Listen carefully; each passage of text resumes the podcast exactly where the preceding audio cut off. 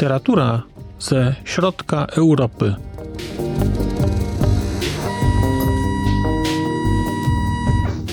Podcast około książkowy.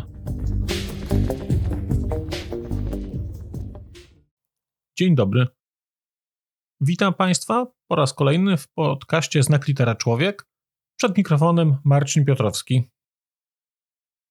Mam dzisiaj dla Państwa opowieść o książce Leopolda Tyrmanda, Dziennik 1954. Książce znanej, książce stanowiącej, można byłoby powiedzieć, kanon polskiej literatury drugiej połowy XX wieku. Kiedy planowałem sobie ten miesiąc, planowałem sobie, że tę książkę będę czytał i słuchał jednocześnie. Kiedy będę mógł, będę słuchał audiobooka, a kiedy będę mógł, będę czytał książkę. W tym celu zaopatrzyłem się w audiobook oraz zaopatrzyłem się w książkę drukowaną. Jak wybrać książkę drukowaną? No, wiadomo, wybieramy najstarsze możliwe wydanie i patrzymy, która okładka jest najlepiej zaprojektowana. I w tej kategorii wygrało wydanie ze świata książki z okładką Waldemara Świeżego. To jest taka okładka rysowana twarz Tyrmanda koloru granatowego. Zacząłem sobie słuchać audiobooka i kiedy chciałem sobie przeskoczyć z audiobooka do książki papierowej, to okazało się, że słucham innej książki niż ta, którą mam wydrukowaną. Że nie zgadza się treść, nie zgadzają się główni bohaterowie.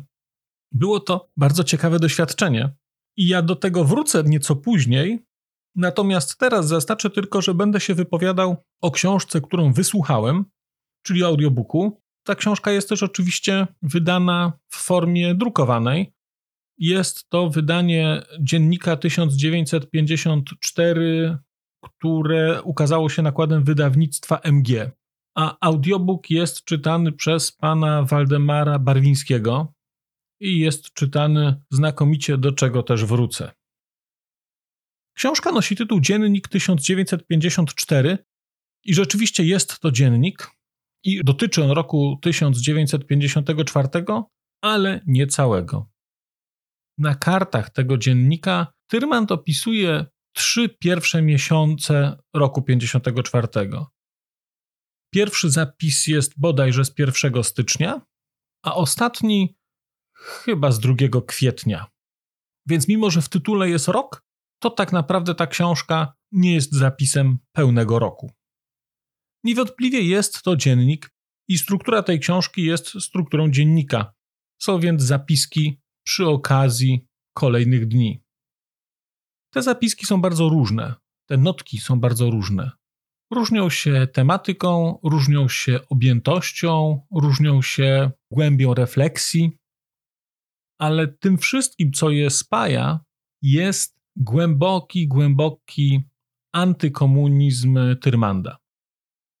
Mniej więcej wiedziałem, jaką książkę czytam, ale nie zdawałem sobie sprawy wcześniej, jak bardzo ta książka jest w swojej wymowie antysystemowa, taka nonkonformistyczna i antykomunistyczna jednocześnie. I że można to wszystko zrobić, unikając, nazwijmy to, kombatanstwa i robiąc to w tak fantastycznym stylu.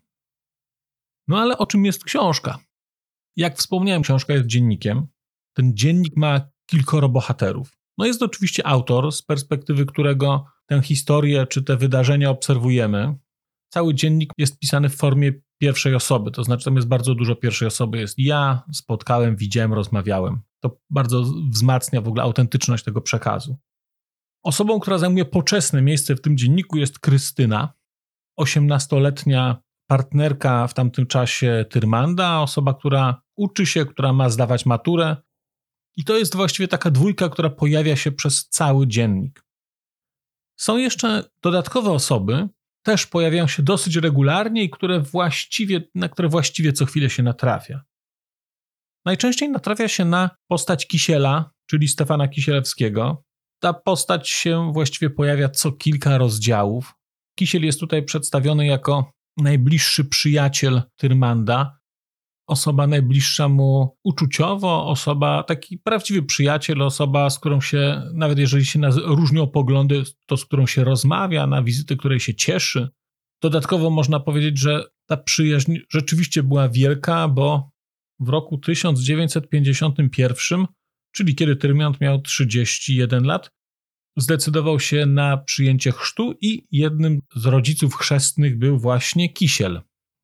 Często pojawia się także Zbigniew Herbert, może nie tak często do Tyrmanda zachodzi jak Kisiel, ale odniesienia do Herberta jako pracownika najpierw jakiejś spółdzielni inwalidów robiącej jakieś rzeczy, nie wiem, ołówki czy coś takiego, a później pracującego w centralnym zarządzie torfowisk. Te zapiski też są bardzo interesujące i jednocześnie bardzo smutne. Tutaj ten Herbert też się pojawia w kategorii przyjaciela. Pojawia się też taki wątek rozpoznania przez Tyrmanda wielkości Herberta bardzo wcześnie i mnóstwo jest zapisków mówiących o tym, że jest to najwybitniejszy polski poeta młodego pokolenia i jeden z największych poetów ówczesnych europejskich.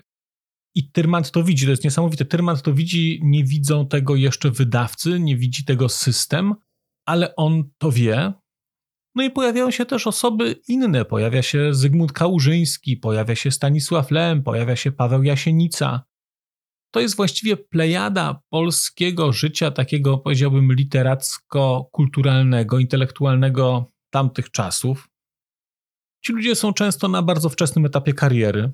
Lem pojawia się jako człowiek, który opublikował chyba jedną powieść do tej pory, a tak naprawdę Tyrmand zna go z jakichś krótkich opowiadań czy krótkich form zamieszczanych w jakichś gazetach. Jest jeszcze jedna osoba. Tą osobą jest towarzysz komunizm.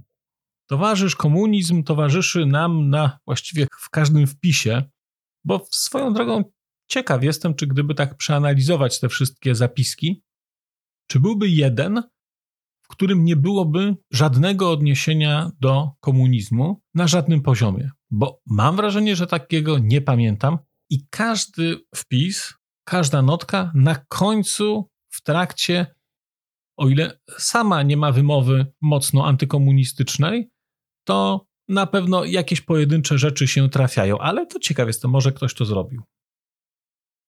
W ramach tych trzech miesięcy obserwujemy życie Tyrmanda na początku 1954 roku, ale także możemy trochę cofnąć się w czasie bo Tyrmand w swoich zapiskach odnosi się także do wydarzeń z roku 53, 51.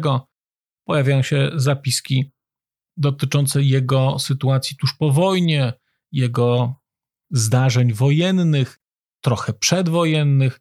Więc tak naprawdę jest to taki, można byłoby powiedzieć, takie spojrzenie, taki rzut oka na dzieje inteligenta, nonkonformisty, pisarza, trochę awanturnika takiego, osoby bardzo barwnej. I z tej perspektywy poznajemy życie w Warszawie, takim właściwie rozkwicie stalinizmu, bo to już Stalin co prawda nie żyje, ale jeszcze taki stalinizm w Polsce funkcjonuje. Na ten stalinizm, na to życie w Polsce patrzymy z perspektywy bardzo różnej. Dlatego, że mamy mnóstwo w tej książce takich obrazków z życia. To są obrazki z życia Warszawy, to są obrazki z życia Polski, fragmenty z gazet, opisy, mnóstwo opisów takiego komunistycznego niechlujstwa, brakorupstwa, opisów zachowań społecznych czy aspołecznych, plagi chuligaństwa, sposobu zachowania się milicji, mnóstwo odniesień do wydarzeń sportowych, przepięknie pokazany humor warszawski, życie w Warszawie w tamtych czasach, próby załatwiania rzeczy, Właściwie ta książka jest tym przesycona. Jakbyśmy chcieli spojrzeć na taki opis życia w Polsce lat 50., pisany z perspektywy osoby obdarzonej bardzo szczegółowym, bardzo takim pełnym zmysłem obserwacyjnym, a jednocześnie bardzo ostrym piórem i bardzo bezkompromisowej, to nie dość, że to są obserwacje trafne, to jeszcze są podane w sposób momentami zabawny. Czasami jest to trochę śmiech przez łzy, ale jest to napisane bardzo ostro, bardzo skomentowane, bardzo podkręcone. No, wspaniałe doświadczenie. Są więc obrazki z życia. Są postacie. I poza tymi postaciami jest tam mnóstwo postaci różnych. Zarówno takich, do których Tyrmand odnosi się pozytywnie, jak i negatywnie. są tam opisani ludzie partii, są tam opisani ludzie pióra, dziennikarze. Właściwie plejada postaci z tamtego okresu, wszystkie główne postacie tam się pojawiają. Osobna część to są wpisy dotyczące szeroko rozumianej twórczości, bo jest tutaj bardzo dużo odniesień do literatury, która się ukazuje w Polsce, bądź która się ukazać nie może, bądź ukazała się i do niej ukazują się na przykład negatywne komentarze, dlatego że jest to literatura zgniła, kapitalistyczna, nie po linii. Sporo odniesień do filmów, głównie do kina włoskiego, do tego włoskiego realizmu, którego Tyrman jest wielkim miłośnikiem i on bardzo pięknie o tych filmach pisze. Pisze o tych filmach tak, że właściwie ja mam ochotę te filmy obejrzeć po to, żeby zobaczyć, co w nich jest takiego i na ile dla takiego profana jak ja te filmy będą teraz równie atrakcyjne, czy w ogóle będą zrozumiałe. W tym wątku twórczości jest bardzo dużo miejsca poświęcone też wolności prasy oraz w ogóle sposobowi funkcjonowania i rynku wydawniczego w Polsce, i rynku prasowego. I chyba rynek wydawniczy, wydaje mi się, jest jedynym miejscem, w którym Tyrman kilkukrotnie, to nie jest przypadkowe, on się kilkukrotnie bardzo pozytywnie wypowiada o tym, co się aktualnie dzieje, jak licznie i dobrze wznawiani są klasycy. Stawia nawet Tyrman taką tezę, chyba niespecjalnie popularną, że ci klasycy są wydawani nawet bez zmian, nawet bez ingerencji cenzury, chociaż wprost mówi, że nie chce sprawdzać konkretnych wydań Fausta, czy nie nastąpiło gdzieś przekłamanie w jakimś pojedynczych słowach. Natomiast dosyć regularnie to się pojawia, że można iść do księgarni i kupić wydania klasyków, zarówno polskich, jak i zachodnioeuropejskich, jak i starożytnych, i opisuje to jako jeden z największych sukcesów komunizmu. Jednocześnie na tym tle tej twórczości jest bardzo silnie pokazany wątek zależności prasy, sposobów kupowania dziennikarzy, sposobów przekonywania ich do tego, żeby nie pisali albo żeby pisali pokornie, sposobów manipulacji tą prasą. Na tym tle bardzo poruszająca jest przedstawiona przez Tyrmanda historia upadku, czy właściwie no nie upadku, ale historia zamknięcia tygodnika powszechnego. Jest ta historia pokazana od roku 45, kiedy tygodnik się zaczyna ukazywać, do momentu zamknięcia tygodnika, próby przejęcia go przez komunistów, próby wydawania takiego tygodnika, nazwijmy to z ukradzionym tytułem, kiedy przejmuje się tytuł, ale podmienia się zespół redakcyjny i pod znaną marką publikuje się zupełnie nieprawdziwe treści, to znaczy nie mające nic wspólnego z poprzednią linią redakcyjną. I to jest tutaj też bardzo pięknie pokazane. W ogóle ten wątek twórczości jest tutaj obecny silnie. Tyrman zastanawia się często na łamach tego dziennika, jaka jest istota twórczości, po co pisze, po co pisać dziennik. On zresztą ten dziennik wprost mówi, że pisze do szuflady, bo jako pisarz nie jest wydawany. Nie może pisać, jego rzeczy są odrzucane, jest właściwie bezrobotny, formalnie jest bezrobotny, zarabia jakimiś drobnymi pracami zleconymi i w ramach tego obserwujemy ten proces takiego zagłębiania się w dziennik. To w szczególności widać na początku tej książki, kiedy pierwsze wpisy są krótsze, a potem Tyrman jakby odkrywa ideę tego dziennika i pisze, że piszę coraz więcej, a im więcej piszę, tym więcej mam ochotę napisać. Właściwie cały dzień spędzam pisząc dziennik do szuflady. Ten wątek twórczości jest tutaj też pokazywany w takim e, kontekście jakiejś próby skłonienia Tyrmanda do pójścia na jakiś kompromis. On opisuje swoje perypetie związane z próbami pisania scenariuszy jak one są odrzucane przez ludzi, którzy te scenariusze akceptują. Jak ci ludzie wprost mówią mu, że to jest bardzo interesujące, co on przynosi. I gdyby byli przedsiębiorcą prywatnym, to chętnie by ten scenariusz kupili, bo wiedzą, że to jest świetne. Ale nie są przedsiębiorcą prywatnym, tylko reprezentują linię partii i państwa i jego rzeczy kupić i wydać nie mogą. Chciałbym podkreślić poziom językowy tej książki to jest najwyższej jakości polszczyzna. Taka polszczyzna, która skrzy się dowcipem, skrzy się złośliwością, jeżeli lubią Państwo takie szpilki, które są wbijane. Takie rzeczy, które są tak okrutnie inteligentne, prawdziwe i bolesne, to ta książka jest tego pełna. I wielokrotnie zachodziłem w głowę, jak Tyrmandowi udało się w tak młodym wieku, 33 lat, pisać tak trafnie i przejmująco i dogłębnie i nie dość, że rzeczy zaobserwować, to jeszcze później tak pięknie spuentować, tak pięknie trafić dokładnie tam, gdzie boli. Mówiłem, że Tyrmand był nonkonformistą. To tutaj widać.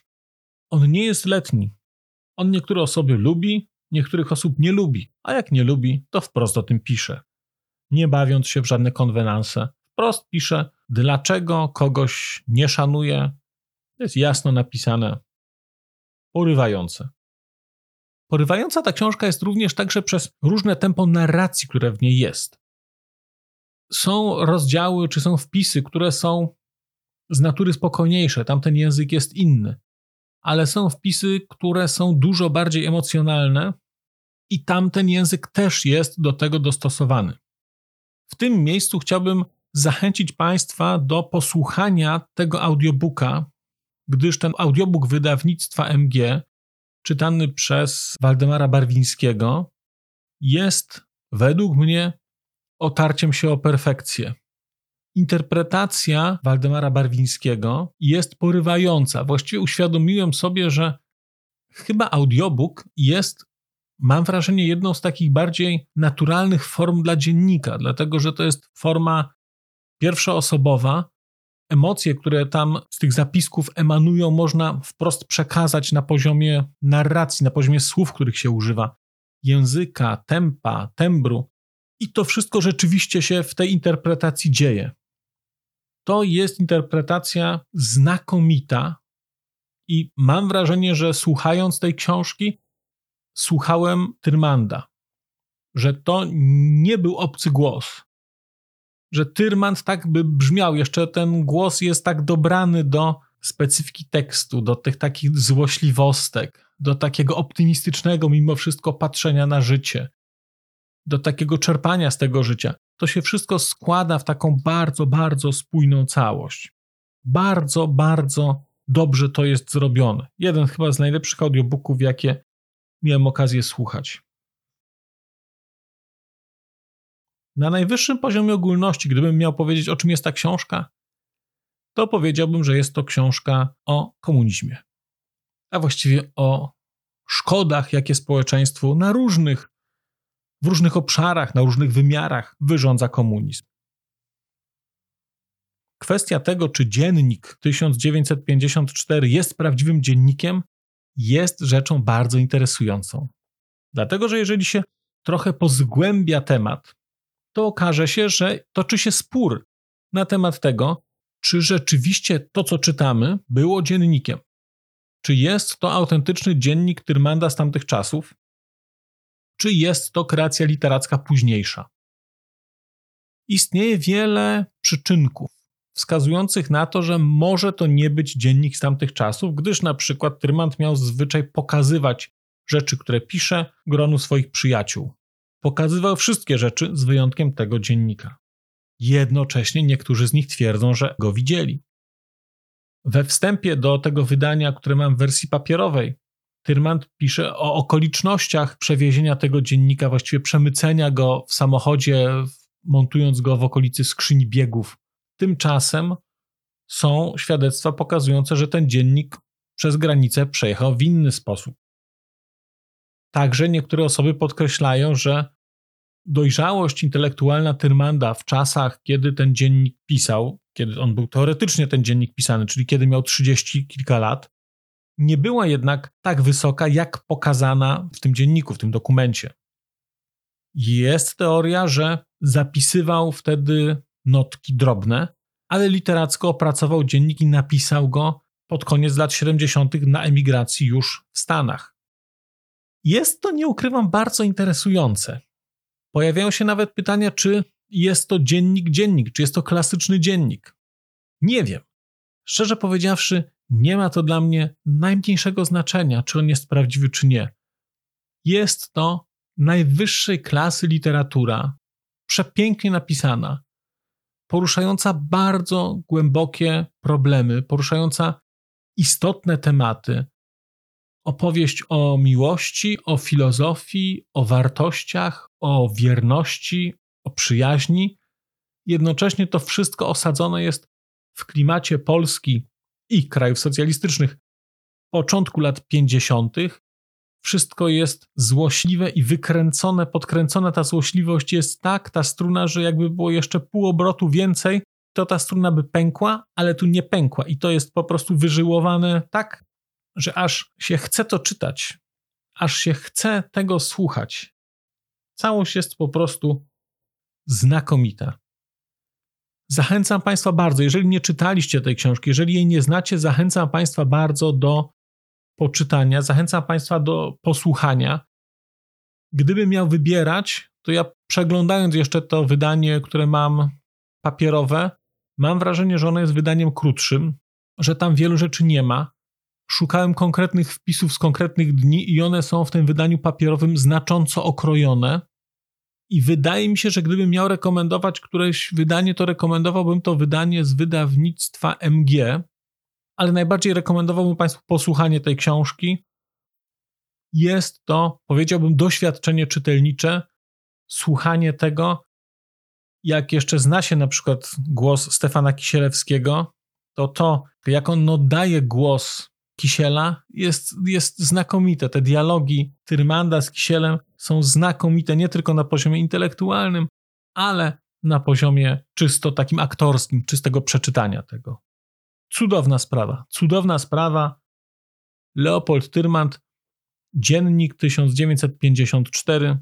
Bardzo, bardzo tę książkę Państwu polecam. Dziękuję za wysłuchanie tego dzisiejszego odcinka. Polecam się życzliwej pamięci Państwa. Powrócę wkrótce z opowieściami o kolejnych książkach. Tymczasem żegnam się. Mówił do Państwa Marcin Piotrowski. Do usłyszenia.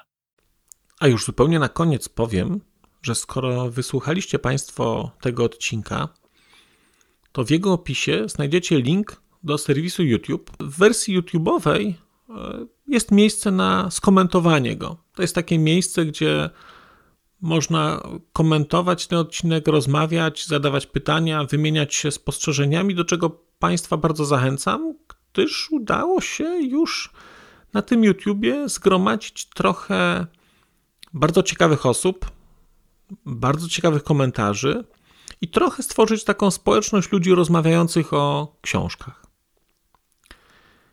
Też na koniec, zupełnie na koniec, e, poproszę Państwa o wystawienie oceny mi w ramach e, tych platform podcastowych, na których Państwo tego odcinka wysłuchaliście. I nieważne jaka ta ocena będzie, istotne dla mnie po prostu, że będzie. Tymczasem się żegnam już naprawdę i do usłyszenia za czas jakiś.